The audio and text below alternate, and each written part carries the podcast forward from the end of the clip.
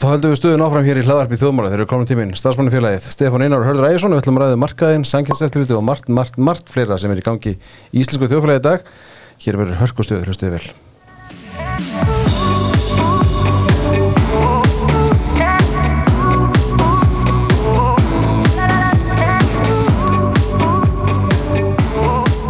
Verið velkomnir, báðið tveir. Takk fyrir. Velkomin til landsins Stefán. Takk Þú fyrir. ert búin í amálsferð. Já, Var þetta ekki skemmtilegt? þetta var geggjað. Já, það er gott. Það er hérna, hvernig er tilfinningin að vera færtugur? Er þetta ekki bara búið? Já, þú veist, ég hörði það ekki um þetta, þú ert enda lang, lang yngstur af okkur, Já, ba batnið í hópnum. já, ég ætlum maður þurfi ekki að fara að bríða þessar bláu pillur sem að þú ert alltaf með hérna í, í, í kvöldu upptökunum. Um mitt. Nei, nei, þetta er bara, það breytir svona lítið svo sem við þetta. Já, það er betra að vera færtugur en ekki. Já, og maður, hérna, ég var mikið spurður þess úti og ég vitnaði bara alltaf í, í Trump-baran Já, sem að, að spurður þessum daginn hvort hann geti gengt ennbætti verandi svona alveg það að verða áttræður og hann sagði bara life begins at 80 Þannig ég veð þá 40 ár til að undirbúa mig um mitt. Já, þetta hefur verið fræl gaman hjá þér. Ég, hérna, það sem var auðvitað skrítið á meðan þú varst úti var það að hörðu var alltaf að senda mér þetta, þennan lagstúf hér, sko, vildi einhvern veginn að, hérna, við spilum þetta reglulega. Það var kannilega mikill söknuður. maður er orðlur Já, svona er þetta. nei, þetta er bara gott. Það var að vera í náttúrulega og við reynda fórum niður til Búrgundi líka. Já, og voru þannig uppskerunni alveg í brjálæri stemningu það er magnað að sjá framleysluna þarna þeir tína nógu mörg ber að trjánum þarna á tveimur vikum til þess að framleiða 350 miljón flöskur af víni já, það er svolítið mikið magt. það, er, það gerist ekki sjálfur sér Einmitt. Og hefur komið áður á þessum tíma eða? ekki verið á, í uppskerunni sjálfur. Maður reyn, reynir yfirleitt að forðast það vegna þess að þeir hafa lítinn tíma til að tala við mann og eru bara svo draugar og svo þreytir en, eh, en svona ég tók þarna aðeins undir með þeim og þóttist vera til gags en svona í grunninn held ég já nú verið meira fyrir en hitt. Já. eins og eins, eins, og, eins og hér bara, en ok. Herðu, það er samt gerðist uh, áhugaverð hlutur meðan þú varst úti og, og hérna, það nú konið hérna, segi, nokkur dagar síðan við komum þrýr hérna saman. Uh, allt í henni vill verkefæðisfórastan að kasta krónunni. Það eru tíðindi. Já, bygg. Já, hann hefur nú verið eitthvað í að þessu samt í nokkra mánuði Já, hann hefur sagt þetta áður á þessu ári. já var ekki voru einhver tíman Jú. hann er eitthvað lítill í sér kallinn já, kannski, kemur, kemur ekki vel undan sömurinu. Er þetta eitthvað smjörklípa hjá honum og Ragnari? Ég veit ekki sko, Ragnar Þórun alltaf sagði einhver staðar lit hafa eftir sér að Íslendingar gætu bara ekki stjórna sínum einu efnansmálum Já, og þú veist það er og horfðu það er einhvern veginn sko. Já, var hann að tala um heimilisbókartið eða þjóðhagsreikningar? Gæti verið að, að vandamáli sé til dæmis og fá ofmörgla launahækkanum síðust ára? Það er svona eitt aðrið sem mann eftir hug. Eh, Frá árinu 2009 hafa laun á efriðsvæðinu hækkað um cirka 30% og Íslandi um 120%, ekki, ekki meira? Ekki meira. Þetta er engin framistæði á verkefælisfórastunni og þá var þetta allt í norðu krónu að kenna sem, sem sko haggast ekki. Og þetta móti styrkist ef eitthvað er. Ég voru að byrta núna nýja uh, spá, þjóðarspá uh, hjá Íslandsbanka. Já. og ég spjallaðis við Jón Bjarka Bensson um þetta. Og hann, þeir bara Þú varst segja með viðtöluðan í dagmálum í morgunblanu Já, og þar, þar fer að niður þetta og segir sko, við teljum að það sé að ná hérna góðum árangri en eða svo breyta sem að er að gera okkur mest að skráfiðu við að ná ekki verðbókur niður er að við erum að gera ráð fyrir því inn í spánni að hér verði launahækkan upp á 6-7% ári á komandi árum og svo nefnda það bara ef að menn myndu keira þetta niður í kannski 4% 4-5% hækkanir og væri ekki sífælt að reyna að vinna upp uh, orðna verðbólgu sem að átreindar upp uh, sko gerfi kaupmátt sem að samið var um að þá myndi uh, málið horfa öðru í sig við og við værum miklu nærði að koma verðbólgun í markmið á spátíman á árunum 2025 þannig að þetta stendur bara allt upp á verklæðsvörstuna ef að þau ætla bara að Já, maður kynnta til aðtunarkvæmdu líka Já, já, já, ég þarf að segja að þeir, að þeir mega ekki gefa eftir eins og þau gera alltaf. Ég meina stæsti áhrifaþátturinn fyrir því að verðbúkumvæntingar eru svona há eins og við sjáum og eru að drífa áfram þess að vaksta hækni sælabankunum er ótti alls markaðar eins og aturlýsins yfir því að það verði farið í miklu launahækkunum haust. Og auðvitað hafa menn ágjör af því. Og kannski ættu við eins og Stefán nefnir réttilega að vera búast við sem er svip á bara Sælabankin nefndi held í peningamálum fyrir árunni að vera að rekna með 5-6% hækkun á launakostna árið 2045 uh, og það er alltaf verið að ræða við uh, verkefælisenguna um að það þurfa að nást eitthvað samölu skilningu hvers ég sviðrúmið veist, er bara, það er ekki bara hætta því og benda bara á verðbúrgumarkmiðið 2,5% og að því að reynslan er að sína okkur það að þeir að vera að flagga eitthvað svona tölum 5 eða 6% sem eru bara mjög rímlega launahækkanir mm -hmm. þá býr það til eitthvað, eitthvað viðmið í huga fórustumanna verkefælisengurnar sem eru því mjög ekki flesti hverjir mjög ábyrðafullir í þessu stórverkefni og eðlilega telja að það sé miklu meira til skiptarna og heimta þá 8% eða 9% mm -hmm. og svo kemur sem er líka vandamál sem við nefnum réttilega gíslir að aturlífið síðan í kjölfara kjærasemningunum hækkar laun fólk síðan ennþá meira. Þetta er bara einhver e, launahækkun í einhverju tökstum sem má alltaf ekki til þess að það er bara skortur á vinnuöfli og meiri sengjöndum fólk. Það er mikil, já, já, það er mikil spenna. verkefni sem ekki fer inn í þennan vetur í bara mjög sterkri stöðu. Mm -hmm. það er svo sem ekki bundið í Ísland við sjáum að þetta er alþjóðlega þróun. Hvað áttu við með sterkri stöðu? Í sterkri stöðu vegna þess að það er skortur á starfsfólki mm -hmm. og sem tengir bara í starra samíkjur hlutana því að, að, fyrirtæki, alþjóðlega fyrirtæki er að færa framleysluna frá löndum eins og Kína til uh, vestur landana mm. aftur, bara heim í hér að það móra þannig og það er þetta eigur eftirspurn eftir vinnuafli hér mm -hmm. og það er bara svona einfalt lögmál frambóðs eftirspurnar Já, já Það sem að maður eh, hefur kannski helst áhyggjur af er að ef að verkefnisfórastegn kemst öll á þessa línu um það að við þurfum að taka upp efru mm. og það verði einhvers konar yfir markmið í, í þeirra lífskjara, meintu lífskjara svo að þá lendur við í sömu klemmu eins og við sjáum með viðreist og samfélkingunar reyndar að stóna hluta líka. Þar að segja að þá, þá hlakkar í þessu fólki þegar það gefur á bátinn í hagkerfum því að eh, sterkast af opnið höndum þessa fólks er að hér eh, séu efnaðslegir erfiðleikar. Þá er hægt að vela fólk eh, eða þá fer fólk á taugum og það er hægt að leysa þetta hérna með enninu kvikkvíksinu nú er það ekki makrýtlinn eða, mm. eða samninga við kröfa og nú er það bara að fara í fangja Evrópussambandin og þeir munu berga okkar málum og þetta eru þetta þvæla og ekkert annað sem sést bara einfallega á því að við getum séð farið yfir stöðu ríkjana innan Evrópusambansin sem eru með Evru. Meiri segja hinnar ábyrgu þjóðir eins og þjóðverjar eru í miklum erfileikum með sín eh, efnaðasmál og það er, er hagkerfi þar er bara einhvern veginn að komast í algjörðan dóða uh mhm. -huh. og þá er ekki farið að rína ofan í Evruríki eins og Spátn og Portugal eða Ítalju mm -hmm. þar sem að efnars örðuleikarnir eru gríðarlegar og uh, það er svona já, ég, mér varst ágætt að uh, hlust uh, já, við kannski ræðum betur hér á ettir hið uh, nýja silfur sem er fallið svo ítla á að það er engu líkan að það sé bara staðsett við hliðin á deltatungu hvernum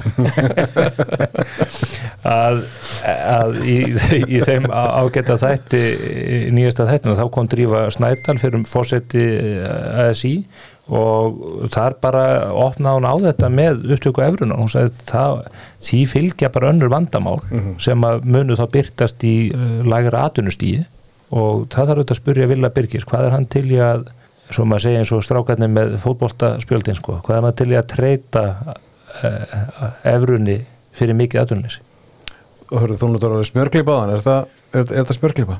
Við maður veldir því upp af því að bæði Villi og Ragnar uh, bera ábyrð á samt þetta sattum aðurlýsins að hafa undir þetta mjög dýra kjærasamlinga uh mhm. -huh. sem er óumdeilt þótt að þeir auðvitað viðkynnaða ekki að séu búin að valda hérna meiri verbulg heldur þyrti uh mhm. -huh. og, og, og þá faraður í uh, þá leið eins og Stefan segir réttilega að, að horfa í eitthvað svona kvikk fix lausnir sem uh, það er ekki við erum eiga við mjög afmarkað og vonandi tímabundið mandamál sem er háverðbólk og hávextir og það eru allar fórsöndu fyrir okkur til þess að ná því niður. Og Ísland stendur þá miklu betur heldur en flestar aðra þjóður í kringum okkur.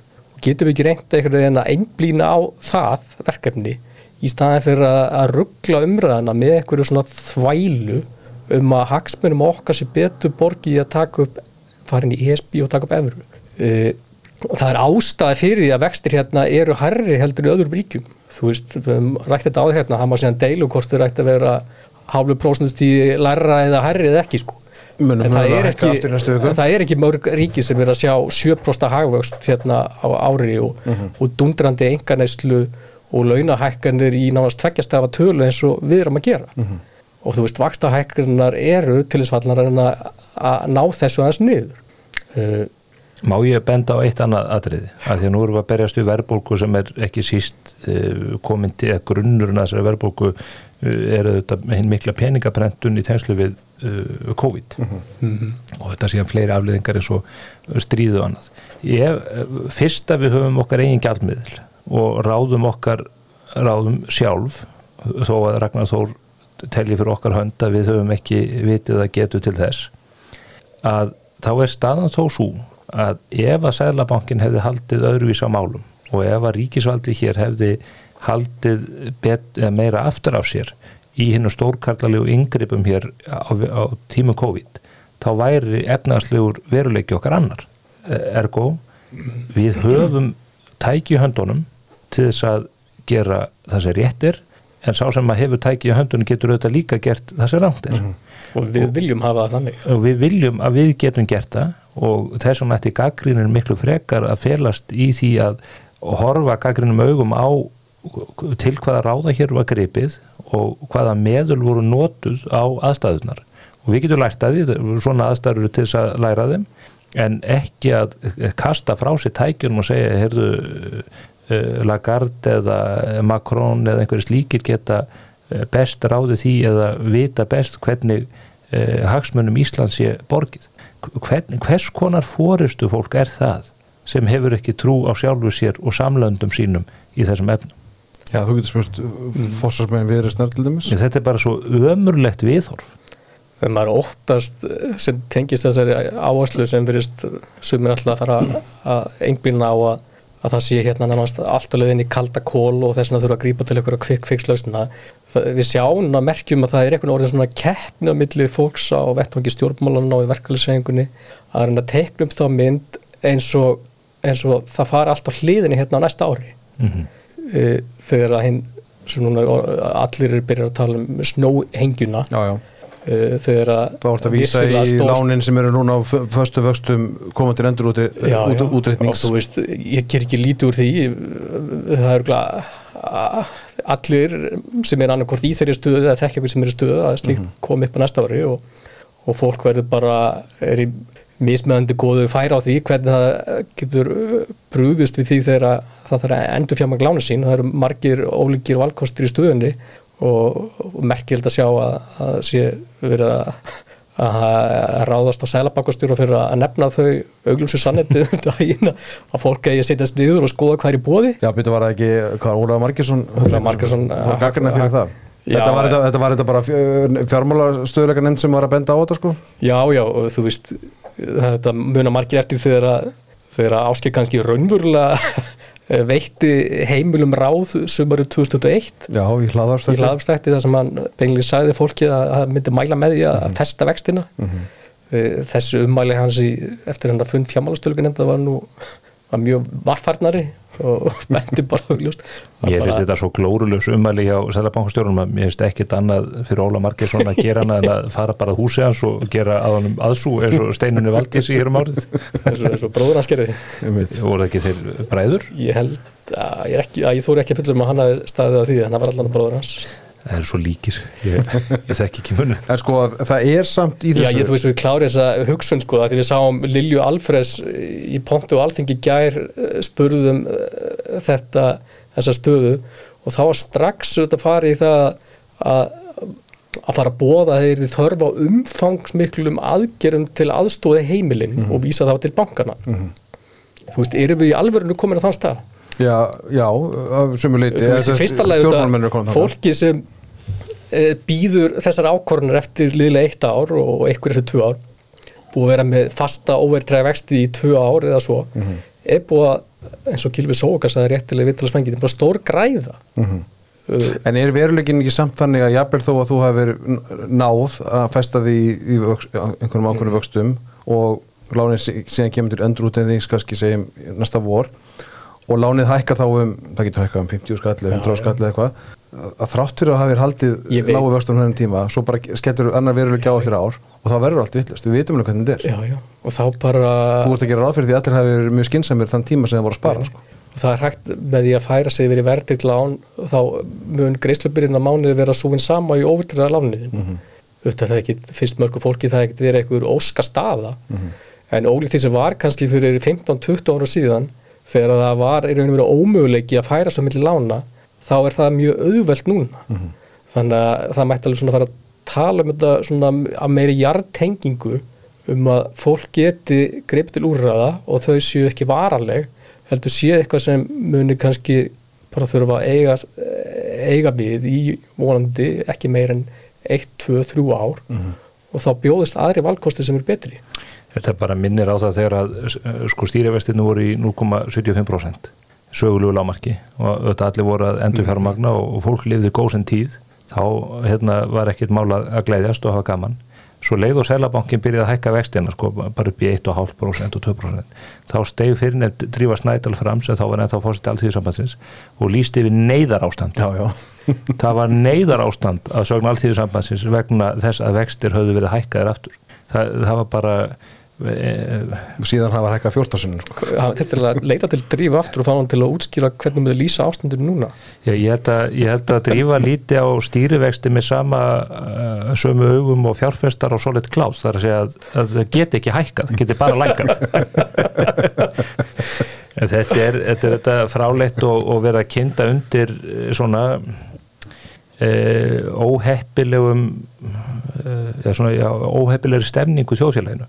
Stýrivextin er að hækka eh, vextin er að koma til endurskoðunar og þá þarf fólk einfallega að endurskoða heimilisbókaldið og staðrindin er svo að lang, lang, lang flestir geta tekið á sig miklu þingri byrðar heldur en þeir hafa núna einfallega vegna þess að kaupmátturinn hefur aukið svo gríðal á síðust árum. Það er ekki gaman og fólk þarf að neyta sér um hluti sem það kannski farið að venja sig við en það er það sem gerist þegar það gefur á bátinn í hagkerfinu. Og það er svona kannski það sem að trublar mann eh, ekki hvað síst í svona allir þessari retorík verkefnisvorustunar eins og hjá Villa og Ragnari og Solveig þessu fólki. Það er einhvern veginn svona svo sögulega nauðhyggja að efnagsleg staða fólks geti bara batnað. Og ef að það er eitthvað sem að, ef það slettist eitthvað á þá mynd að þá eigi bara stjórnvöld og atvinnulíf að bregðast við og maður láta einhvern veginn eins og að stjórnvöld og atvinnulífi hafi ekki orði fyrir skakkaföllunum einni. Í all, allir þessari útgjald allir þessu útgjald að fyllir í eitthvað stjórnvöldum þar sem stjórnvöld eiga að hjálpa þessum og hinnum og, og gera allt fyrir alla. Það er í ástandi það sem að ríkisjóður þarf að taka lán fyrir öllum sínum meiri hluta sinna nýju útgjald þannig að ef við ætlum að bæta í kostnaðin að þá er það gert með lántöku og það sig þetta allir á því þegar að bent er á þessa augljósu hluti að svona getur þetta ekki gengið upp. Já, að selja á því að þetta er létt svo að segja sko, það er einhvern veginn þú sagði ráðan sko, þetta er ekki óskastæða og þú ert að segja að við einhvern veginn erum ekki vöndi að gefa bátinn í okkur. Eða þú veist, við erum kannski komin á þann stað að við bara ættast við þess að hlutinni gangi alltaf upp á við. Þú veist, er, er þetta orðin krafan að bara þú getur ekki orðið fyrir neina skakkaföllum? Það er lá, látið allt og oft eins og Ísland sé bara einhvern veginn eiland í, mm. í, í, samfélagi þjóðaðan við sjáum eins og Stefán hérna rakti hérna áðan með önnu ríki sem er að glíma við raun og veru miklu meiri erfiðleika heldur en við og munum að taka lengri tíma að leysa hann heldur en hérna á Íslandi. En við veginn erum að þeim stað að þegar það gerist í, í eitt, tvo ár að það verið svona einhver stöðnun í lífskjara bata fólks eða bara bakslag, bakslag bara eins og gerist bakslag. í lífinu á, á svo mörgum sviðum. Og já, já. þú veist það voru engar þjóðir Evrópu sem sáu kaupmátt lakka jafn lítu og jafn skamma tíma svo Ísland og kaupmátturinn aftur farin að vaksa og aðtunleysi jafn lítið og allt þetta sko. Þá er látið eins og heimurinn sé að farast. Þú veist hlutverk stjórnvalda eða leiðtósa ríkistjórnar eins og Lilju og Bjarnafleiri er þá ekki reyna einhvern veginn að fegra stöðun og gefa fólki einhverja falskar eh, vonur um að sé hægt að grípa til einhverja kvikkfix aðgjara í búðu stjórnbólna til, til að heldur bara að útskýra að, að þetta sé vonandi tímbutu, fólk þurfa að draga andan, bæði heimil og fyrirtæki. Allir þurfa einhvern veginn að taka á sig smá skerðingu og síðan séu þá fórsöndum fyrir því til að sækja fram að nýju. Getur verið að það sé ólíklegt að stjórnbólamennin takið þá línu? Margir hverjir já en ég er vel, maður alveg bindur vonu við suma hverja mm -hmm. Samilegt markmið allra ætti að vera eitt að lækka vexti þar að, að koma hagkerni í þann farfið að það sé að lækka mm -hmm. vexti mm -hmm. þá þurfa stjórnvöld að gera meiri því að draga úr sínum útgjöldum og þenslu hvetjandi aðgerðum á sínu vettvangi og aðunlífi þarf að semja um hóflegar launahækkanir og atvinnureikandur þurfa að halda aftur að verðhækkunum í lengstu lög. Mm -hmm. Þetta þrend er líkillin að lífskjara sókn á næstu árum og það er að koma þessu uh, gangverki mjög hratt í gagnið. Bara ef að það er slegin nýr tótn í kjara viðræðum hausins áðurnu samningarnir nást það myndir strax draga úr verðbólkumæntingum og gera sælabankanum kleift að setja sér starthólunar um að eh, hérna að byrja að lækka vexti eða undirbúa það ferli. Og andin er bara að sá að þú er ekki að vera fyrstur til. Og verkefnisfóristan er auðvitað bara einn risastór pissukeppni mm á milli félagan og þessara fóristumanna mm þeir eru ekki stærri sniðum en svo.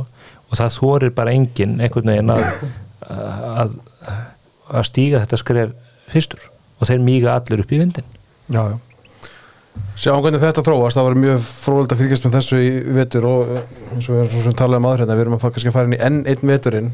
Þetta er bara grántök Já, þetta er svolítið þannig, sko, veist, þetta er svona ég meina, já, við vorum að tala um þetta hérna í hitti fyrra árið þar áður Þú, hvað ættu að tala um þessu þáttu þetta væri ekki svona, við þurfum að vona bara að þau renni öll að bannan híðinu í haust.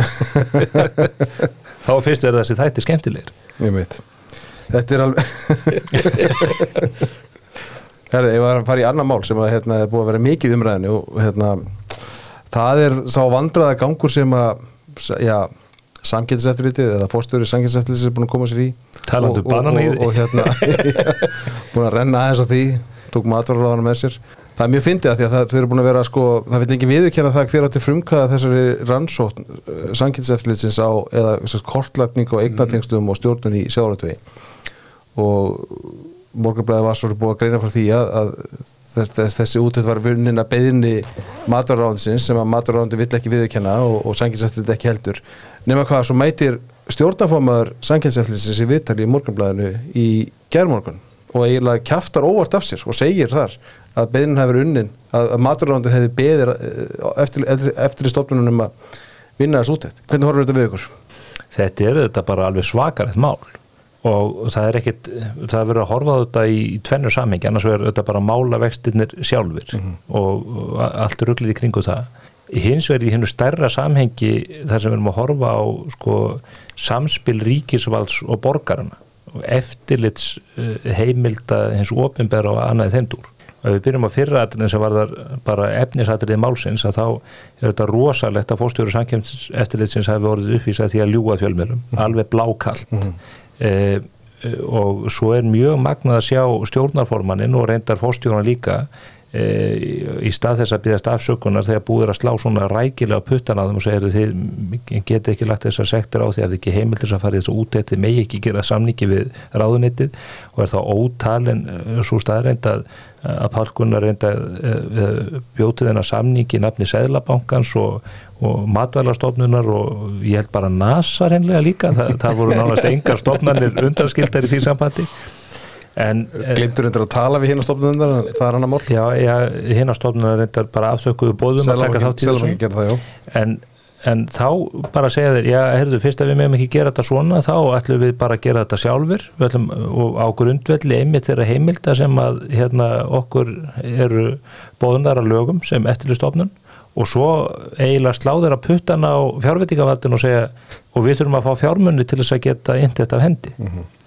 í þessu sammingi er síðan enn annar vinkill á þessu og það varðar þessi eignatengsl sem að eru ég held að við höfum allir setið í stjórn húsfélags eða foreldrafélags stjórn eða uh, einhverjum félagsamtökum sem að þurft að enda sendast um á milli bæjarhluta til þess að fá undirskriftir fólks út af þessu dellu þessar fáránlegu delluvarandi endanlega eigendur. Ég til þess getur upplýst það hér að ég er endanlegur eigandi að vinafélagi þjóðminjasafsins sem er náttúrulega alveg sko mögnuðsvæla en á grundveldi þeirra lögjafar og síðan auðvitað bara uh, lögjafar um uh, hérna ásreikninga og, og skil þeirra þá liggja þessar upplýsingar allar fyrir. Það þarf ekki að fara í þessan ansók Mhm. Og það er ekki annað að sjá en að þarna hafi menn verið að reyna að dulbúa veiðiferð samkjöfnseftirlitsins á hendur sjárútveginum eh, sem einhvers konar rannsókn á þessum eignatengslum sem að þó líka fyrir. Það, það lá alltaf annað agenda baki og það var held ég þess vegna sem að Guðmundur í, í breymi og reynda fleiri kvenguð sér mjög undan þessu. En þeir ætla bara að fara full speed ahead eh, í, í slægin við fyrirtækin og ég hef nú að viðkjanna varandi Guðun Kristjánsson sem er fórstjóri skráðu félagi þú þarft að hafa ansi mikið þór og svona já, þú, til þess að treysta þennar slag. Því að ég held að hann geti allt neins búist bara við húslit ég held að það verið farið í hendarleðangur þetta breyttist með úrskurði úrskurðanendar um sanginsmál úr veiðiferð í hendarleðangur Já, heldur að við munum sjá einhverja svoleiðis aðgerðir það er alltaf það sem að við, við vitum allir sem að skrifum viðskiptafréttir og erum í samskiptu við fólki aðturlífuna menn, menn hræðast En er ekki, Þá félagi já, er ekki Palkunar búin að stíga það mikið á bananið eins og Stefán nefndi það hann og, og þetta er orðið svo stórt og vandrælt fyrir hann að það verður kannski, það er svo, er svo augljóst ef hann myndi fara í slíkan hemdarleðangur og myndi kalli yfir sig held ég.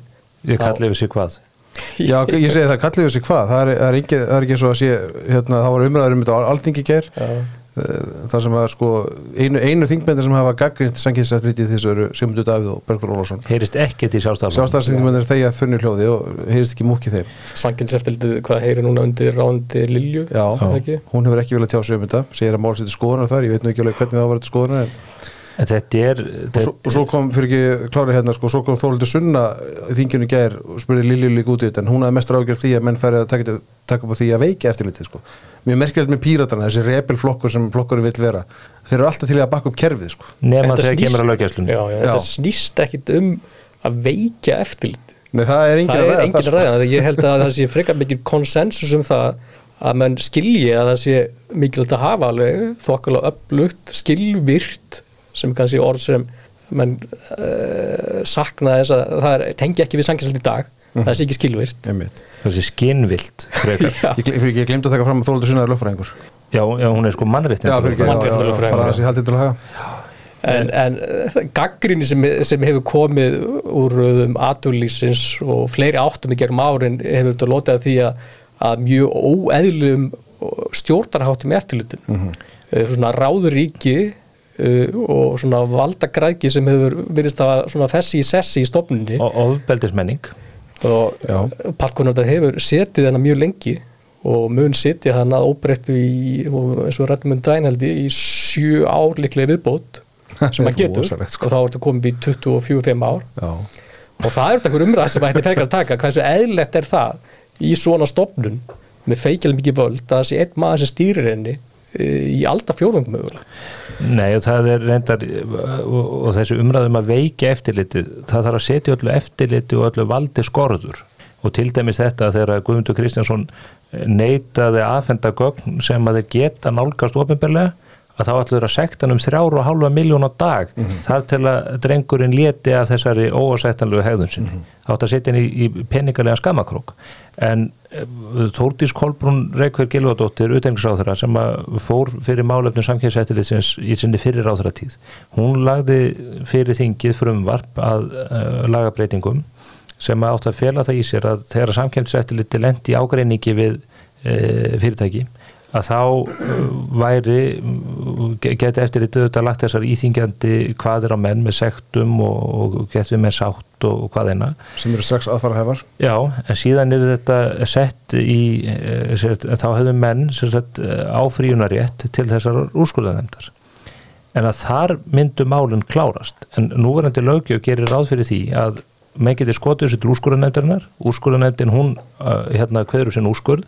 En þá getur, geta málsæðlar mm. uh, skotið niðurstu úrskurðanefndarinnar til hérastóms, landsréttar og svo eftir aðtökum hæstaréttar ef að málinn eru þannig búin. Sem þýðir það að það er að búa til málsmeðferðar tíma upp á áratug eða meira. Og það hefur verið vald eða, eða verkværi í höndum samkjæmsættilisins veit ég fyrir víst og frá fyrstu hendi að menn hafa farið fyrir úrskurðanendina og eða ætla sér að gera það og ekki að unna úrskurði samkjæmsættilisins og eftirlitið fórustu mennið þar hafa einfallega sagt ég heyrðu vinnu minn ef að þú unnir ekki þessum Salomón stómi okkar um að borga okkur þessa fjármunni þá munum við draga þig á asnærunum, kjölddraga þig næsta ára týjinin í dónskerfunu með öllum þeim erfileikum sem því fylgja fyrir fyrirtæki og menn þar sem að menn sitja bara á, á sakamannabekk í raun. Mm -hmm. og þetta er þetta ástand sem er ekkert að þetta búa við. Þannig að þegar að Þóldís Korfús að herðu, sankjæðsætliti hefur áfram sína heimildir getur hverju sína úrskurði. Síðan er hérna áfyrirna nefnd sem að menn geta þá skotið mánu til og hún hefur þá endarlegt vald, hún, er, hún er endur skoðar ákvörðun eins og menn eiga rétt á bara í ellu þjóðfélagi. En þá steg öll stjórnarna staðan upp eins og lagði sig hver einn og einasti maður mm -hmm. og leta til líka að þetta væri til að veikja sankjæðsættilegt, að sankjæðsættilegt hefði ekki e, það tóli höndunum að geta kjöldriði fólki heilan áratug. Sko, hvers konar þvæla er það, við, er það viljið þingsins að við búum við kerfi sem að hefur lamandi áhrif á aðunlifið. Er ekki nóg að menn geti bara áfríðað úrskurðinu, punktur. Já, já. Það var þetta áhugavert í þessu máli, kakvart bríðum að niðurstaða úrskurða nefndarinni því máli var svo ótrúlega afgerandi að meiri sagði að sanginsefliti sá ekki ástæðu til þessi það sinn Já. að fara með málið áfram fyrir domstóla bara, bara ákvaðu um þessar miðustu sko. þeir kynntu þessu bara en hvað með stjórnina, hverju setja þetta í stjórninu núna? Já, ekki Sveit Nagnarsson hann er stjórnarformaður. þarna situr Hafstið Tór Haugsson mm -hmm. lögfræðingur mm -hmm. okkar ágætti félagi sem er nú mjög flinkur lögfræðingur. Katrín Helga Hallgeirsdóttur kom fram hann í frett morgunblæsins þegar ekki hún var í farin úr stjórninni? Já. er það sangat heimasíðunni? Þannig að það er óljóst að ég veit ekki hverju þrýðir maðurinn stjórn. Þetta er bara stjórnlaust. Og þetta, ég, ég tek bara undir það sem að framhjóð komið í, í frábærin leiður á morgunblæsins að að fórstjóra eftirlitsins er bara ekkit eh, sætt eftir svona uppákomur En hann er samt ekki undir einum pólitísku þrýstingi? Nei, menn, þingið menna, meiri segja hægri mennendir sem eiga nú að tala fyrir því að það sé skilvirt eftirlit kakvart aðtunleifuna, þeir bara verið að bara limpast niður mm -hmm. Akkur allir það sé? Já, þú þekkir þetta fólk betur en ég Ef að ringja í einhvern Það er í tengslu þetta mál sko, komið óvænta rós dagsins uh, sem er bítu, til Svandísar Savastóttir Já, hefur slögtu hérna á tækjanum henni hefur tekist það núna í tvígang. Ég tek hér úr sambandi. Henni hefur tekist það núna í tvígang sem uh, fólk í hæra minni lífunu og aturlífunu uh, hefur ekki tekist.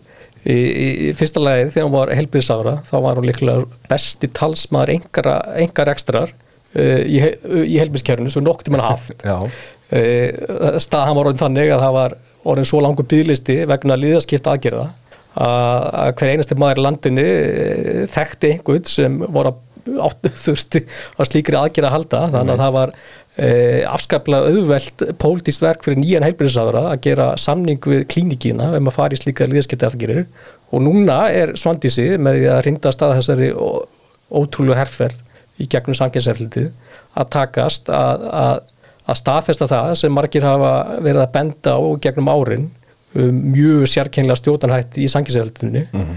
e, þannig að bara áfram svandís í þess Já, ég sko því gerir nú grína þessu. Ég, Kanski testan að festa bara kvotakerfi í sessi alveg? Já, ég, já en svo bara kemur kom einhver ráðhærar eftir mm -hmm. sem að maður hefði haldið að væru með toppstykkið rétt skrúfað og allavega ekki forskrúfað ofan á búknum og sjáu þeir meðan Viljum Þór Þórsson þannig að ágæta mann og minn fyrir samstagsmann upp í háskólanum í Reykjavík. Hann er algjörlega heitlum horfin.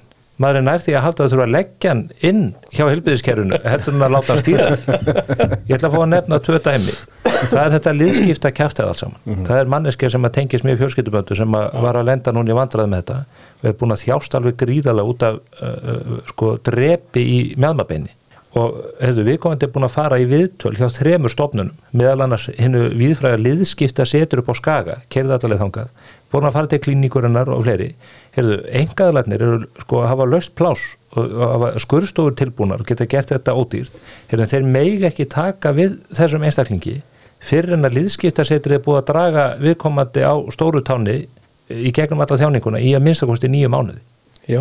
af hverju virkar kerfið ekki þannig ef að skurstofunar eru tilbúnar og fjármagnir til staðar að fólk sé skoruð upp þannig að það lengi ekki kvalatíman uh, lengi í endurhefingunni og drægi úr frátöfum fólks frá vinnumarkaði þetta er slík ég er, svo, svo reyður yfir þessu að menn skuli einhvern veginn bara koðna niður og leifa þessum ógeðslega kommunisma að ríða húsum í helbíðiskennu löngu eftir að helbíðisráðandi er löst við ráðherran. Mm -hmm.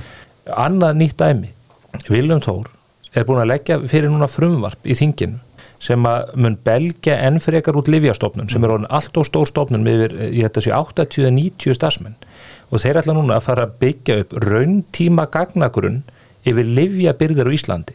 Þetta er bara einhver hérna CCP-leikur fyrir livjafræðinga já, já. og hefur engin áhrif á livjastöðu landinu hefur, og sérfæðingar segja okkur að það munir kosta hálfan miljard að búa til þennan Já það er áhættan ríkisins sko, það munir alltaf kosta þá miklu meira sko. já, hefur, og, og fyrir hvað?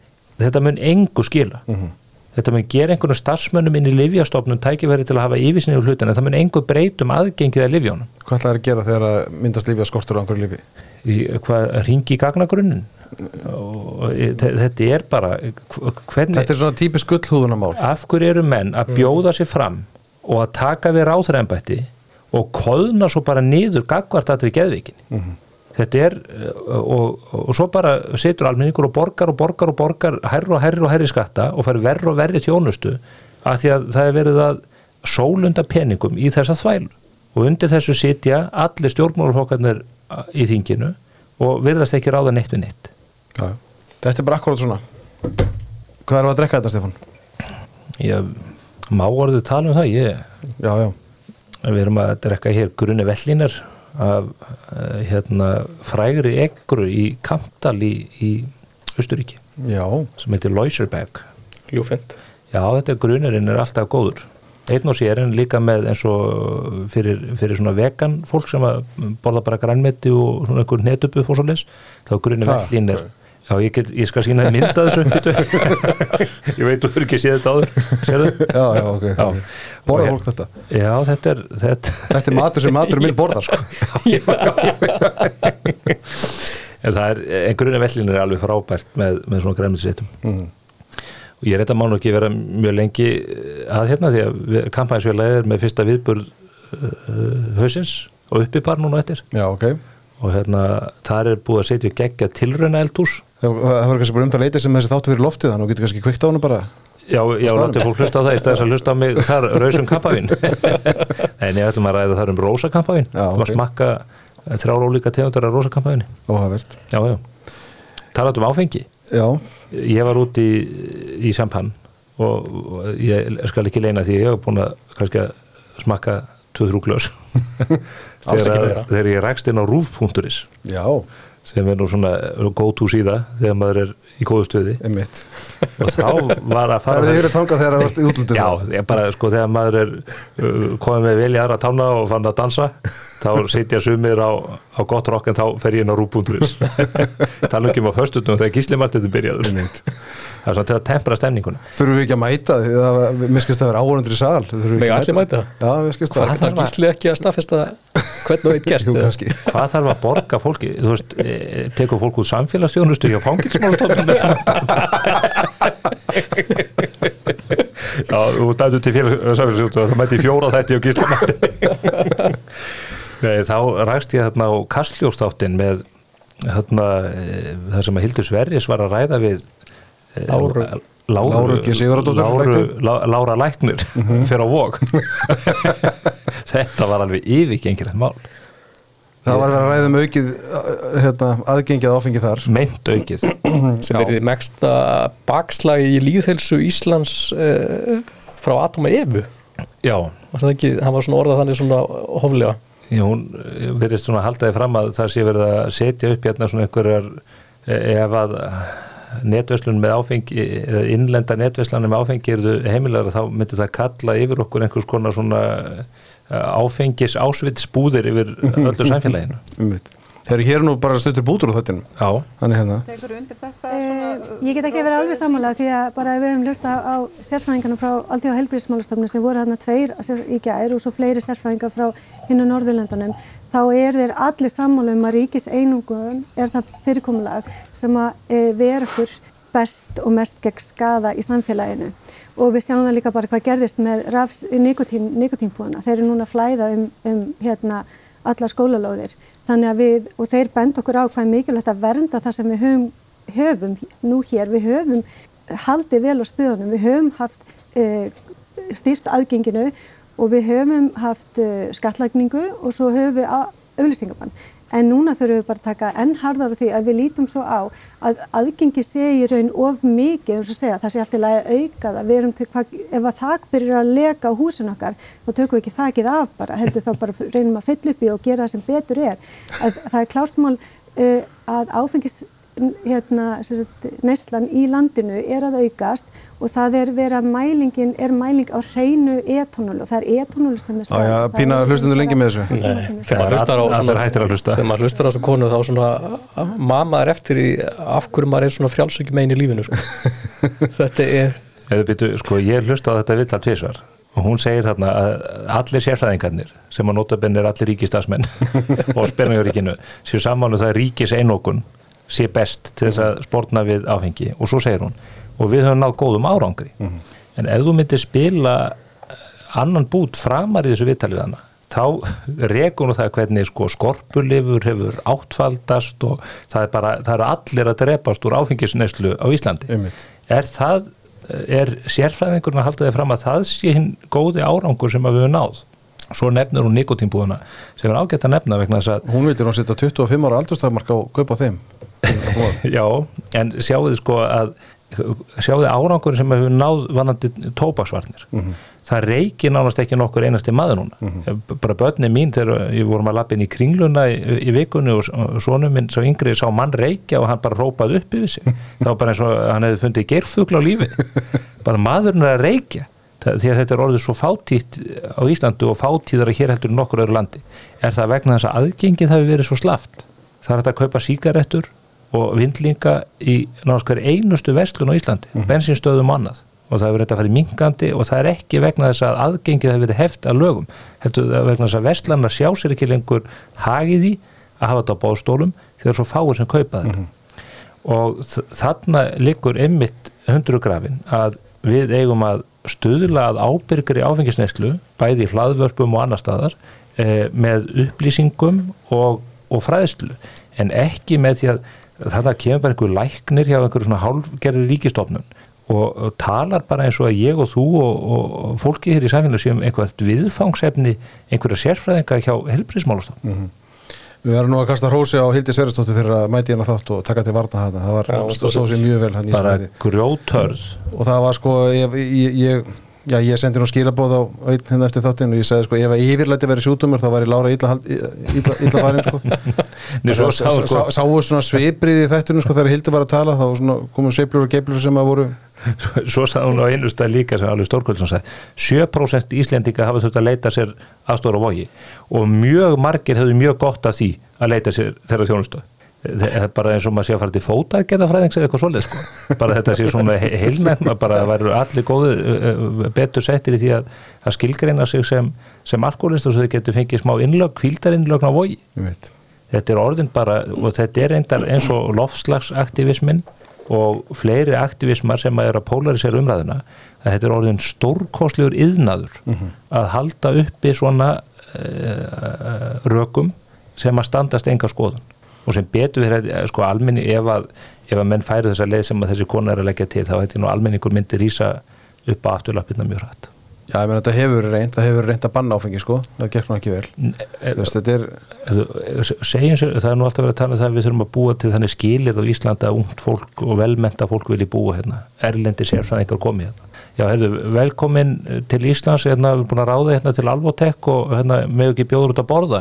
Jú, já, má bjóða þér hérna sótavatn eða mjólk. Nei, hérna, eh, kannski rauðinsglas. Já, nei, það er bannað að drekka rauðin. Áfengið er bannað í landinu. Er þá myndi ég kannski bara þykja Coke Zero? Nei, byttu fyrir, sko, aspartam, það er bannað hérna. Þetta er, þetta er bráturefnand, ef þú drekkur eitt bakkar á þessu á dag í tíu ára, þá ertu döður, sko. Haldið þið að fólk vilji búa í svona landi? auðvitað ekki Það er bara, en þetta er eitthvað tilnegi og maður sér, maður sér þetta mjög oft hjá læknum, maður, reglulega byrjast greina til þessi læknaðaritinu eða fleiri tímaritinu, þess að læknar vilja banna alls konar hlutir sem eru óhvatir er þetta, þetta er ekki nýtt trend sko? Ef að Láru lækni á vogi líður illa í íslensku samfélag út af neyslunni hérna, þá ættum bara að flytja svalbarða. Það eru reglur sem að, eru þannig að þú mátt kaupa eina sterkningslösku í mánuði og það er stimplaði vegabriðitt það er helviti gott eftirlit með því hvað sem mikið fólk drekkur. Henni myndir sannlega líða betur þar heldur en hér. Mögulega. við hérna ætlum að verða eftir og fá skála í Já, góðu víni skál bara. Við höfum gaman að þessu. Til eru veitna Herðu, þeir, vinnur okkur hjá frumir þeir höfða svo samband, þeir lásu hérna frétt reyndar sem ég skrifaði í morgun í viðskiptamokkan, þar sem ég var með smá útett á hlutarbræðmarkanum og þeim blöskaði svo að sjá hvernig þetta hefur rýrnað allt saman, þeir vildi fá endur skoðan á þetta frá þér hörður, er, hérna, er þetta staðan útöldin fjallar meginaturum um það að, að markasverði skrára fyrirtæki hefur lækka töluvert um, já, mér taldist til um 214 mm. miljardar frá áramótum, svona með tillitið til argræsla, þú veist, vantilega er þess að tölur eitthvað reiki og sumuleiti er þetta leikur á tölum en, en þetta, er, þetta er samt svona gefur ágætt sem mynda stöðinni þetta, Ég- ég- þetta er ekki mjög Ég held að Íslandingar séu íslenski hlutabæramarkaðan sé að setja uh, Evrópumet í, í lækkunum uh, núna á í að vera tvö ár Mhm. Það er umlitt fyrir að í fyrra lækkaða hlutabæramarkaðar um hvað 20% úr ólsvistilunum já, og núna er hún niður um meiri en 10% frá áramótum uh, sem er á skjön við svona þróuna í öllum helstu löndum í kringum okkur.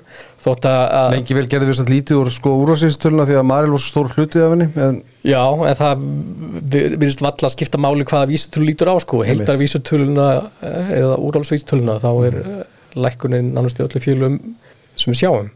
Uh, ástæðan fyrir þessu er fyrst og fremst þetta háa vakstastig uh, það, það þurfa afkur á fjárfestir að, að fara inn í uh, svona eitthvað eh, hefðbundi fyrirtæki í kaupallinni þegar hann getur fengið auðvitað kannski 10% vexti í einhverjum stuttum ríkisvíkslum eða, eða öðrum skuldabrjöfum já, bara 9% östu innlánsæti eða innlánsreikninga og hann að e, þetta er vandinn en þótt að vissulega finnist mörgum um og of hversu mikil e, neikvæðni og svona hræðsla hefur verið á markanum e, bara sem dæmi við sáum í gær e, að, að Marel svona skiptist á að vera stærsta nestasta félagi við Alvotek að það tók allt í einu dífu eftir hátið í gær um 8% uh, og allir hrist og hausin og spurðu hvað er í gangi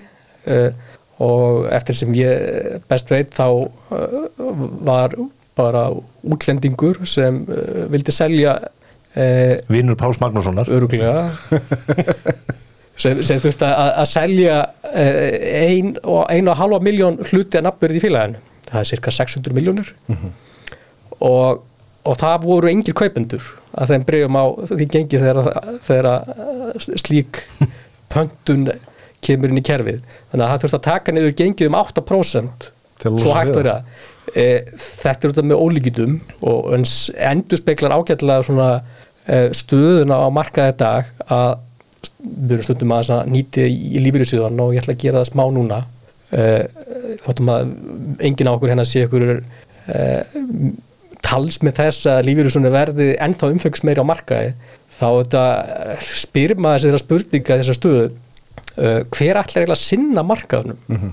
e, hlutabrjóðsöðunir einlöndu hérna allir eru e, allir bara undir kotta. Að skæla, búið að flæða út peningur úr mörg hlutabrjóðsöðum og þeir eru búin að tapa á Alvatek og, og flæða peningur þannig að viðskiptun er að taka peningi sinni Já, bæk það er, það er meira útflæði heldur en innflæði í og það er búið að vera svona þróun bara stöðut núna í átja mánuði auðvitað mismöndum mellir sjóð og allt það.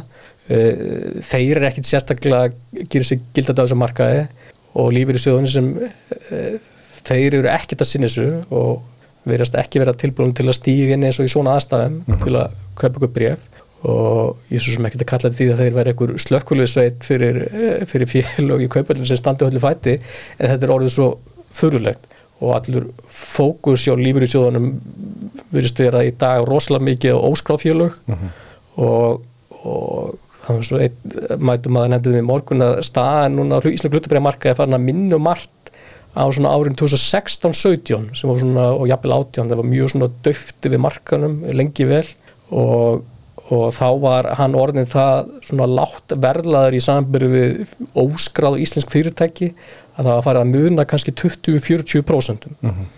og þannig staðin í dag lífyrirsjónir eru mjög til í að setja peninga í framtagsjóðu eða voru það svona í fyrra og, og eru að kaupa í mörgum spennandi óskræða fyrirtækjum, ég ger ekki lítið úr því. Svona eins og þegar kefti Keresis Já, einmitt. En þetta er svona dalið staðan og, og svo eru nú við Íslandingar og Íslandingar uh, þessi litlu Íslandingar fjárfestar á markaði er ekkert undarskildi, það er mikil hjarðhæðun í gangi og það, þegar eitt félag fer að hækka bara eins og það var í síðustu viku allt í hennu byrjar eitthvað uh, skél fjárfestingarfélag að hækka um, og þá fara allir í þangað mm -hmm. og þá hækkar þau 6% tvo dagi röð mm -hmm.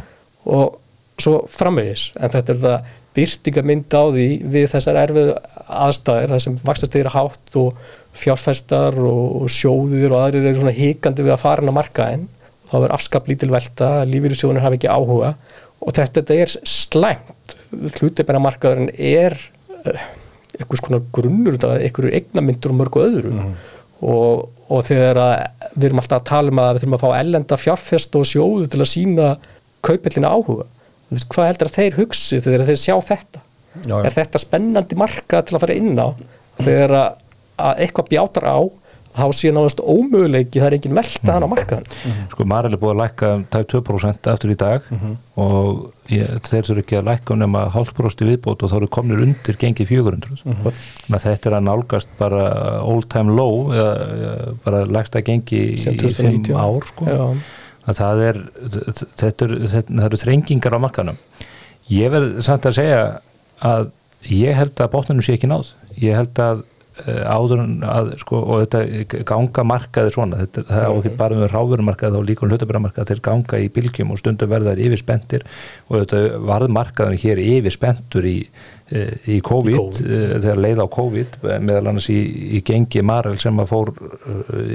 Slekti þúsund. Já, rétt undir 970 en, en svo þarf að finna einhvern botn og ég held að hans sé ekki alveg komin Nei, ég, það er bara tilfinning sem ég, ég er, þetta er engin vísindilega rauk og ég er ekki að hvetja fólk til kaupið að sölu á brefum svo að það sé ítrekkað en Þurfum við ekki leifir frá FME við ætlum að vita fjármálurökjum Jú, og sanginsættistinu Já. Það má segja, ég meina við sjáum að elendi marka eins og í bandaríkunum geng, hafa gengur mjög vel framann árunu núna på síkastið hafa verið að lækka vegna þess að þar eru menna að verðleggja upp og nýtt hversu háir vextinni þar vestanhafs verða og hversu lengi mm -hmm. núna eru menn fannir að búast í að þessi lengra í næstu vakstalækun bandarísælabankans þeir munu lækka miklu minna heldur en um að talið á næsta ári mm -hmm. uh, og hérna á Íslandi eh, voru menn kannski ekki svona bjassinir uh, og, og horfa á kannski aðra þætti sem voru að valda því að vextir eru það hái lengi og, og líklega er vaksta hækkunum ferðilega ekkert búið á sérlabankunum þú veist. Hættu er hækki í ég, maður er hættur Nei, hjanda e, Þannig að Ég óttast það sko. Heldur það? Hvað heldur það hækki mikið? Ég segi 25 púnta. Ég held það ekki, ég held ég nú spáði ég þætti að Stefán fyrir bara tveim ykkur síðan sem er náttúrulega fullirt eða er þetta ekki að hækka og ég er strax fann að sjá þetta því? Já, ég, vil, ég held að það sé rétt að þú nýttir þennan vettvang hér til að byggja fólk ásökunar fólk var að gera rástaðanum með sitt heimilsbókat og grundvelið þessar yfirlýsingar. Ég þar á meðal Já, já. Það er, ég meina það er líklega meira fóður eftir í verðbólkunnu og þar leðandi í frekari vakstahækkunum Þeir get ekki hækka þetta Ég, ekki, ég, ég held að það er rámt að gera það. En hvað mun verðbólk, er ekki að koma verðbólkumæling á morgun? Uh, jú. Jú, það ekki. En svo er klar eitt punkt með Marel sem auðvitað spila líka inn í held ég að gengi sé að lækka svona mikið. Ekki þar að rekja það með pantanabókina. Ég, ég læt það vera núna.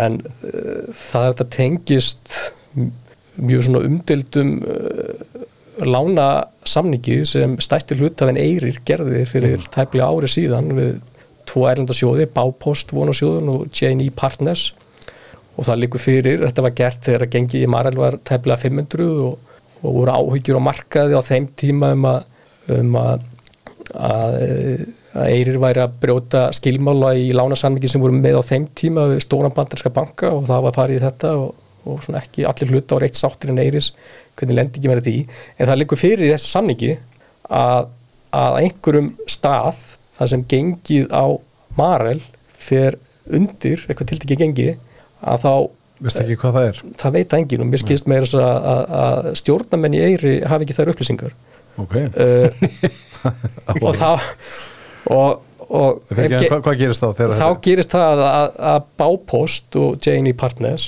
uh, geta þá tekið yfir brefin Já, býtu, hérna, fórstjóri Marel lísti því yfir í viðtalið mér að, að þeir lítið svo á að þeir ætla að gera það. Það er, að segja að það er ekki Já, þannig að þeir geta, heldur það er upplegið. það búið svolítið við ég meina ef leiðu þá möguleiki skapast og svona aðstæðan sem gerist í dag þar sem gengið í Marel er tekið niður um 8% út af ykkur svona ómerkilu mm Mhm. Ger.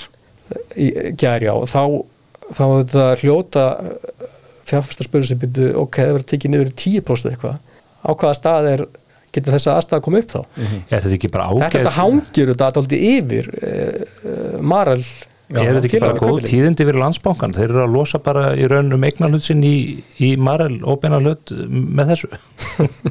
Einhver myndir lítið á þannig, jú, það er kannski bara það- svona, svona komast úr þessu Sá hlutur er alltaf búin að þetta sölu í mörg mörg ár Það er að segja eitt hlutur landsbankans í Eyri Já. En hvað segið þið með, með næstu viku? Er þið, er alveg að spá því að Sælabankin muni hækka? Ég haldi að verði ekki allt, og nú er ég nú talsmaður vaksta haugana yfirleitt sko, en að haldi að það sé einhver stemning eh, svona inni fyrir slíku? Ég held að tótnin sem að hefur sko, við vorum hérna áðan að ræðum komandi kjara viðraður og það hefur ekki verið slegin mikill tótni þeim en sá tótt sem hefur þó verið slegin að hann gefur alveg tilhættum til þess að Sælabankin minni á sig En byrju, Sælabankin er búin að minna á sig hvað 15 sinnum núna, Já, já, er ekki hérna, ekki ekki, ekki þetta fólk.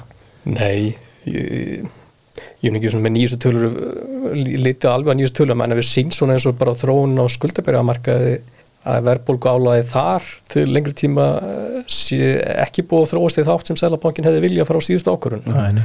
þannig að hann verður svona svanga með sjálfu sér þess að þetta verðist vera svona helsta áherslu atrið hans Ég sá nú aðstofum að Sandísar var að skrifa það á Twitter um daginn, mann ekki hvað hann heitir en að, að, að, það var hann ekki besti meðlikværin á, á þetta alls mann hún fannst fjárfæstar Já, já, ekki, ekki, ómerkilegum ekki verið að tjása mælikvarða. um þessi mál. En þetta var saman tíma við Það að ta- miklu uh, nær að spyrja langreiðarnar sko, hvað þeim finnst um þetta? En það eru svo gáða skepnur. En í þessum erfiðu markastæðum allar eitt af okkur upplýðustu útgerðafyrirtækjum að að reyna að láta reyna Já, að á Ísfjölaði markað. Fyrsta desember, svona hérna þessi vinnu dagstæðningin, þeir eru svo rómatískir en eigum að þeir vilja skrá félagið á Amalstein. Já. að það fyrsti des? Fyrsta des 1901 e- elsta starfandi hlutafélag landsins. Það er dagunum sem að við flöggum alltaf hvítbláin, hörður? Já, já, til heiðus Ísfélaginu og og, já, og öllu þessum góða fólki Pétri Einarsinni og þeim sem að stóði í stefni í sjálfstæðisbártunni En aðalega fyrir þegar ekki? Þennan, þen- þennan fyrsta des munum við gera það. Það er, Sko, mark, markasverði Bríms og Síldavinslunar hefur samanlagt drýðið saman um hvað, 43 miljardar ef maður rétt á þessu ári. Síldavinsla fór mest upp í 220 miljardar eða mest aðeins meira 230 þeir eru núna í dag í 195-200 Mhm. Brímir 175 það lækkaði aðeins meira heldur en rétt. Það er náttúrulega búin að hækka alveg svak Svakalega, þetta frá, ár var Síldavinslan hækkað Þið hljómið bara eins og Vili Birgis bara eins og þetta megi ekki lækka Nei. alveg Nei, ég svo er ekki að segja þetta það, hækkar. ég, ég er að segja maður er það að segja hvað Ísfélagi mun lenda? Já, þú veist, þetta, er- sko við getum, við getum, við getum sitt í allan dag og rætt um það af hverju Marel hefur lækkað, við erum svo sem búin að koma inn á það eins við getum útskipt mjög vel af hverju Alvotek hefur lækkað mjög mikið, af því að það hefur orðið vombrið með það, með þetta engaleifi á samhættarleifi þeirri í bandaríkjunum sem ekki- hafi ekki fengið uh, bankarnir og sjávarðsfyrirtækin sem hafa lækkað töluvert líka þau, þetta eru allt velreikin fyrirtæki. Já, sjálfsfættingin áttu þetta met afkomu síldavinslan og breymi fyrra Mhm. og út af gríðilega stórum lónakvóta þannig að það voru svona ástafrið því og árið í árið er gott Mhm. þótt að sé ekki eins og met árið fyrra þannig að er afskaplega eðlilegt að gengið hafi lækkað daldið og síðan bætist við svona upp á síðkastu við meðlan síðan Guðmundi í Brím tala mikið um það um pólitísk óvísuna sem er að vera til í, í kringum áform svandísar það Mhm. er þetta líka Það hlýtur áhrif líka hlítur og stundum finnst mann eiginlega að þau áhrif vera minni heldur en ástæð verið til Mhm. Eh, þannig að það verið mjög spennt að sjá þetta svona áformu skráningu menn geta bara bakka á síðu stundu.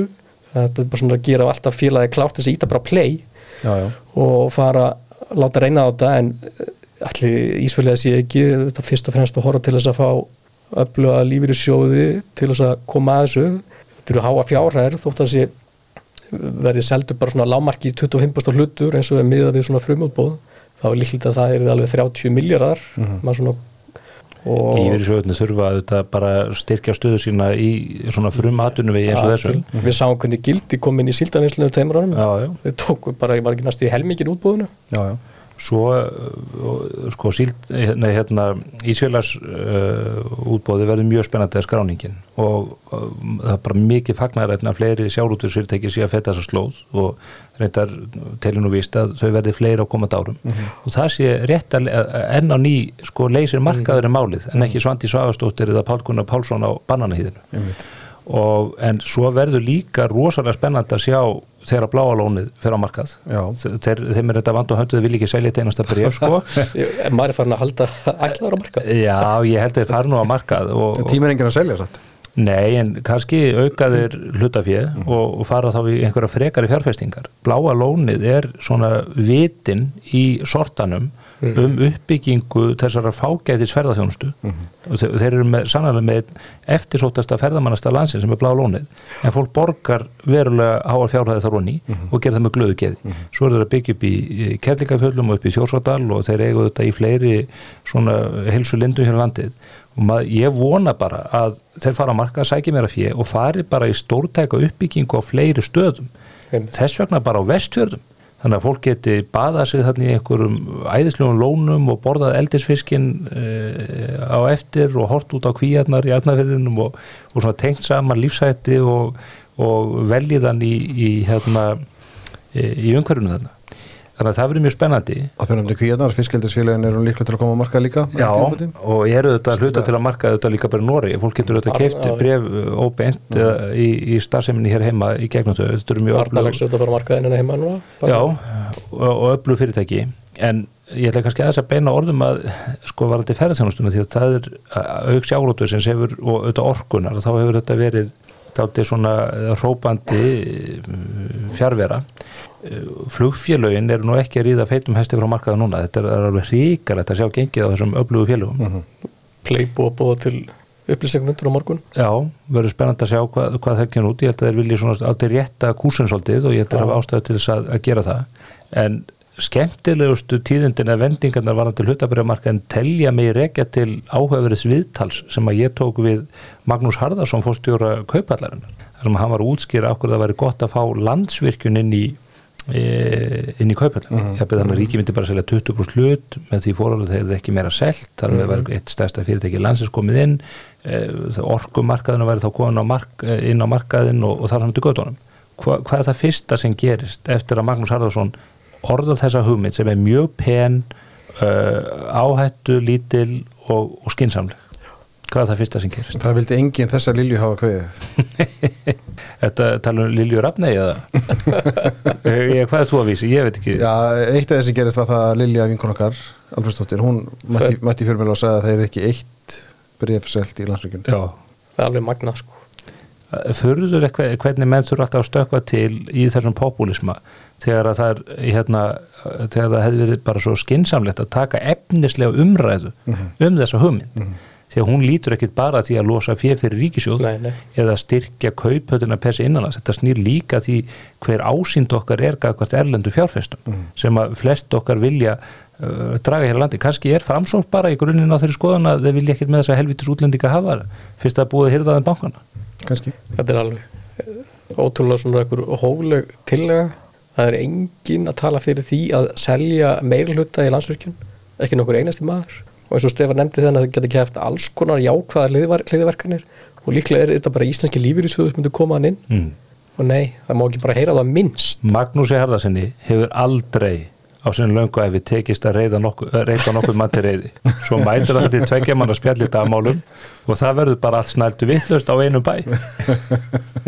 Það verða aldrei seld bref í landsvirkjun á vakt En taland um orkufyrirtæki, ég veit ekki aðeins að Jú, ég var, ég var hérna.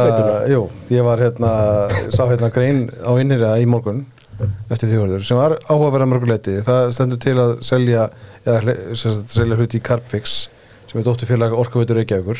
Sem auðvitað fáur Íslandika að vita hvað gerir og Já. ég veit að tæpa sjálfur þótt ég að skrifa þessa frétt. Mér sýnist nú reyndar öllu eftir að renta á þess að greina að herða við tekist að koma í veg fyrir að, þess, að, að þessari sölu virði Ég held það reyndar var að þetta mitt, eh, mitt markmið með ég vill ekki fá neina útlendingi á orkufyrirtækinu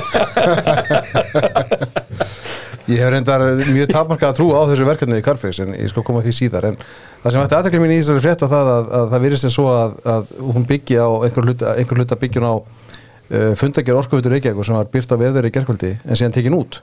Já, farið yfir þetta orku, mörgum. orkuveita en bara til að klára hérna hlutabriðamarka ég fæði sér skoðun á, á þessa útitt mína frá þér. Frumir en miðin hann, hann, hann, hann, Já, já, hann er ekki, kominn. ekki endur skoðun sko hann, uh, já, það, það er ekki hvernig degi sem hann uh, ofinbært fyrirtæki uh, gefur manni svona skúp. Já, og hann uh, og, og fjalla er það síðan fyrir aðra til, a, til að komast í. Hva, Hvað sagði þetta félag héti? Ítryggu það, Ork, orkuveitan Nei, hérna sjóðurinn. Ég er sjóðurinn þess að svo ég sem ekki má nefna. í, í gær eh, við blaðminn hérna við erum þetta daglega að sko aðtók hvort að sé að þetta er nýjar fundagerir hjá stjórn orkuveitunar hvað annað ættu við að gera? Nei, og, hann, og, og í gær var ég í þeim daglega, daglega uh, förminni já, Þú átt augljóslega enga vinu nei, nei, bara ykkur. Þú er ekki. Og það, og það, heldur það, ok. og það kemur inn ný fundagerð eh, sem er frá fundastjórnar orkuveituna 15. september. Og, og þar strax í byrjun fundagerðina er upplýst um þetta og búið að standa yfir mjög lengi hjá Carbfix, dóttufyrirtæki orkuveitunar að sækja sér auki hlutafíða sem er fyrst og fremst fyrir að horfa til ellendar fjárfesta til að standa ströym einhverju 2 miljard fjárfestingu sem félag ætlar að frí á komandi árum. Og búið svona að dragast mjög langin uh, og Morgan Stanley bankin og Arctica Finance heima hafa verið að vinna þessa vinnu. Og þetta kemur fram í fundagerðinni sem kom mér satt að segja mjög óvart uh, þekkið svona hvernig, hvað kemur fram í svona fundagerðum það er upplýst um uh, nafnið á stóru bandarísku sjóðastringafíli sem heitir Stone Peak Hvað það héti? Stone Peak. Og, og, og hann félag með einhverja 50-60 miljardar dólar í stýringu og svona meðan þess að fókusur fjárfestingar í orkuskiptum. Að það eh, sé búið að gera tilbúð í þá þetta nýja hlutafið sem stendur til að gefa út og, og stjórn orkuveitun er að samþykja að, að svona ákveðna skilmála sem þetta fyrirtæki er að gera í tegnslu við tilbúðu sitt og sem meðal hans lítur einhverju sölutryggingu á hlutafjörúbúðinu og, og svo er uh, svona fleiri uh, minna fréttna matriði. Uh, nokkur klukkutum síðar er þessi fundager fjarlagð af því að augljóslega að stóð ekki til að upplýsa um nafn tilbóðskjáfans í svona fjármögnarferðlu þessu stíi og eftir því sem ég he- heyrði í morgun eftir að ég var búin að byrta fréttina að það hefði svona skapast ákveði panik ástand bæði hjá ráðgjöfum Carbfix og, og, stjórninni að, að þessi fundagerð hafi farið út með þessum hætti uh, en þá var svona skaðin skeður og það var þetta búið að segja frétt af þessu og, og, og þá var spyrt og, þess að ný og vinarlega sörðu búin að lesa fundagerðina Já, já, ég hef það hlóð henni niður og komið ný fundagerð og þar eh, er búið að taka öll fréttamatriðin og, og sagt þetta gerðist, liður eitt umfjöllunum hluta fyrir aukningu Carbfix HF vegna trúnaður um yfirstandið viðræðar er byrtingu fundagerðu máli fresta þar til viðræðum líkur, punktur. Og ekkert minnst þarna á uh, um, Nei, á hva- Hvað heitir hann? Stone Peak. Stómpík Nei, nei, þannig að þetta er og þetta þetta er svona fjárfesting að hann ekki búið að byrta neinar tölu hversu mikil hún er. Mína hermildir herma þessi nefnir allan á 20 miljónum dollara og orkuveitan er með mjög háleitur hugmyndir um, um hvert virði þessa fyrirtæki sem er. Þannig að ég held, að ég held að 10 miljónur dollara mun ekki gefa kannski stóran hlut í fyrirtækinu. En auðvitað veltum að vengum yfir því hvort að svona uh, fúsk uh, kunni að setja þessa vinnu í eitthvað uppnám. Hvað, hvað afleggingar hefði það? Ég minna ég, stjó, fer- stjórnarinnar eða einhver sem, sem, sem gefur grænt ljósa á að byrta þetta. Þessi sjóður er ekkert að fara að fjárfesta þessu félagi eftir að hafa verið bara dregin hérna dregin út á túna nærbjússon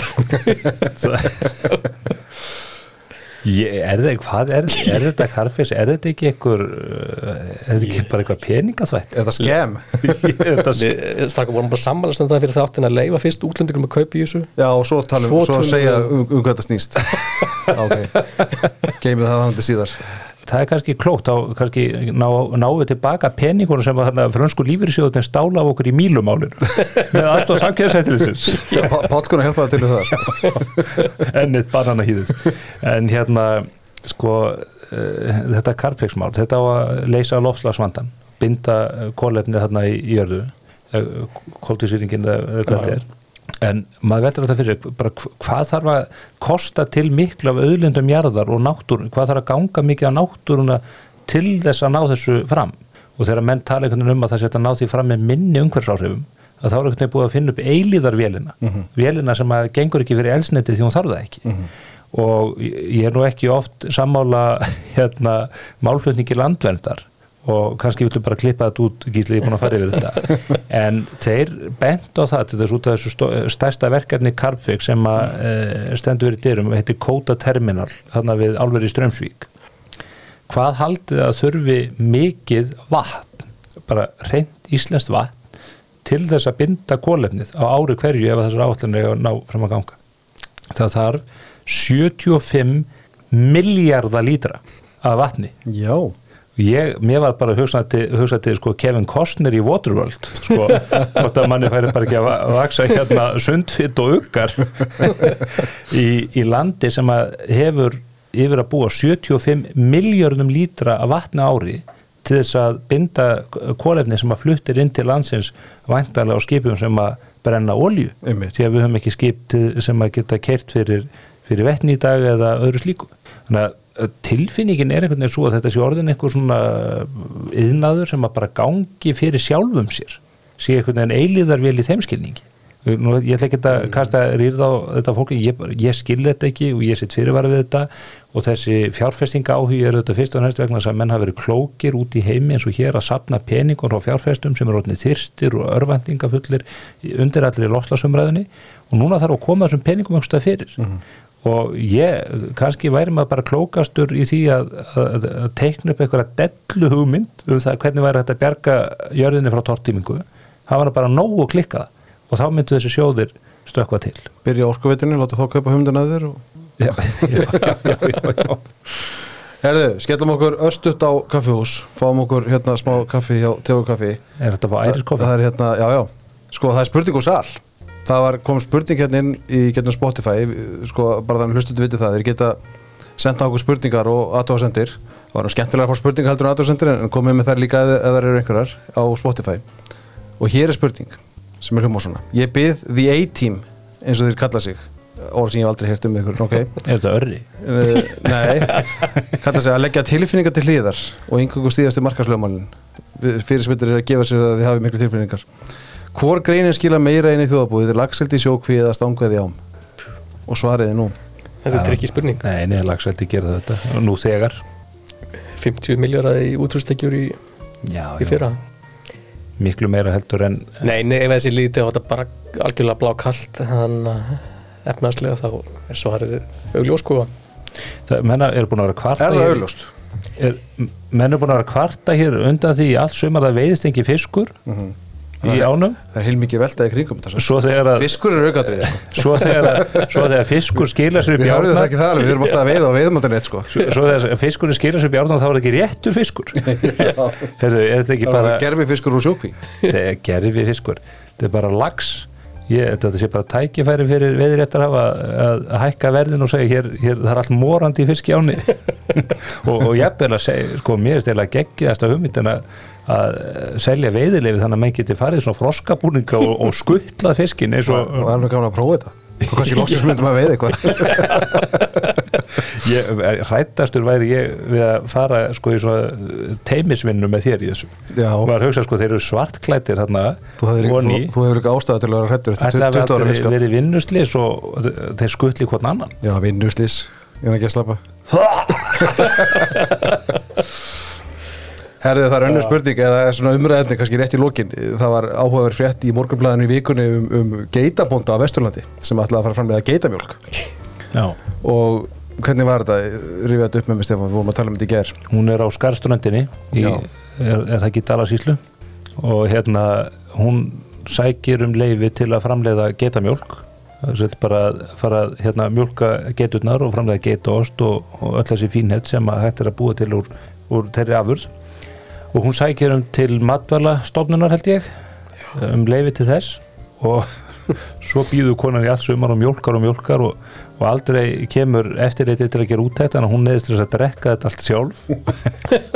Og svo þegar komið fram á haust og hún er að taka kindunarinn í fjárhús og getur ekki mjólka lengur. Getunar dægin, já sko er að taka sko kindunarinn þannig að þá hefur hún ekki lengur aðstöðu til að mjólka getunar dægin sem hún gerir það, þá kemur eftirlýsmaður eftir sko þrjá eða fjóra mánuði algjörlega án þess að beðast afsökunar svo ekkert sé eðlara að fólk býði mánuðum saman. Þetta er þetta alveg yfirgengilegt. Mér er sett að hún sé búin að hérna uh, að drekka svo mikla mjólk hérna hún sé farin að jarma bara. Upp úr svefni í konan en þetta er svona svipað eins og með eh, hérna helbriðsættiriti þá nú eitt félagi minn sem var opna veitingastað fyrir nokkru missunum síðan og, og uh, hann beið uh, vikum saman eftir að fá helbriðsættiriti var með starfsfólk á launaskrá og svo mættu þeir voru búin að búa þessi eitthvað um hátegi spillega klukkan 2 eða eitthvað komu síðan klukkan hálf fjögur og svo byrjuðu þeir að gera úttekt og það snýr alltaf því sko hvort að lifja skápurinn opnist til hægri eða vinstri og, og hvort að þetta var allt eitthvað svona dellu, dellu hér og já, já, og nú vöskum til þess að vaska upp hægri hendina hér og vinstri hendina þar. Og svo bara slar klukkan fjögur þá svo, ei, herðu, við náum ekki að ljúka úttektinni, nú okkur já, við vinnum bara til fjögur sko. Þeir mættu og seint en þeir vinna bara til fjögur. Og, og málið tafðist held ég um eina eða tvær vikur í viðbót. Og þetta viðþorf við erum að lenda meir og ég var að þessu, við erum að lenda meir og meir í því að þið ofinbæra lítur svo á að við fólkið í landinu séum einhvers konar viðfangsefni þeirra. Við setjum þessar stofnanir á lagirnar til að verja okkur en ekki til að eðilegja allt fyrir okkur. Einmitt. Þetta þurfum við að búa við. Alveg bara eins og þessa kaffihús á músík hérna. Þetta er að vera eins og eitthvað atrið í sænferð Herðu, ef ekki var að segja þetta gott Ég he- heyra Stefán er komin í ham. Þá hérna ég hef lært það að svona binda endi á samtölunum þegar að byrja að vera óþægileg. Herri Bildar, takk fyrir komuna. Bara þá til næst, miklu frekar. Sjáumst í næsta stríði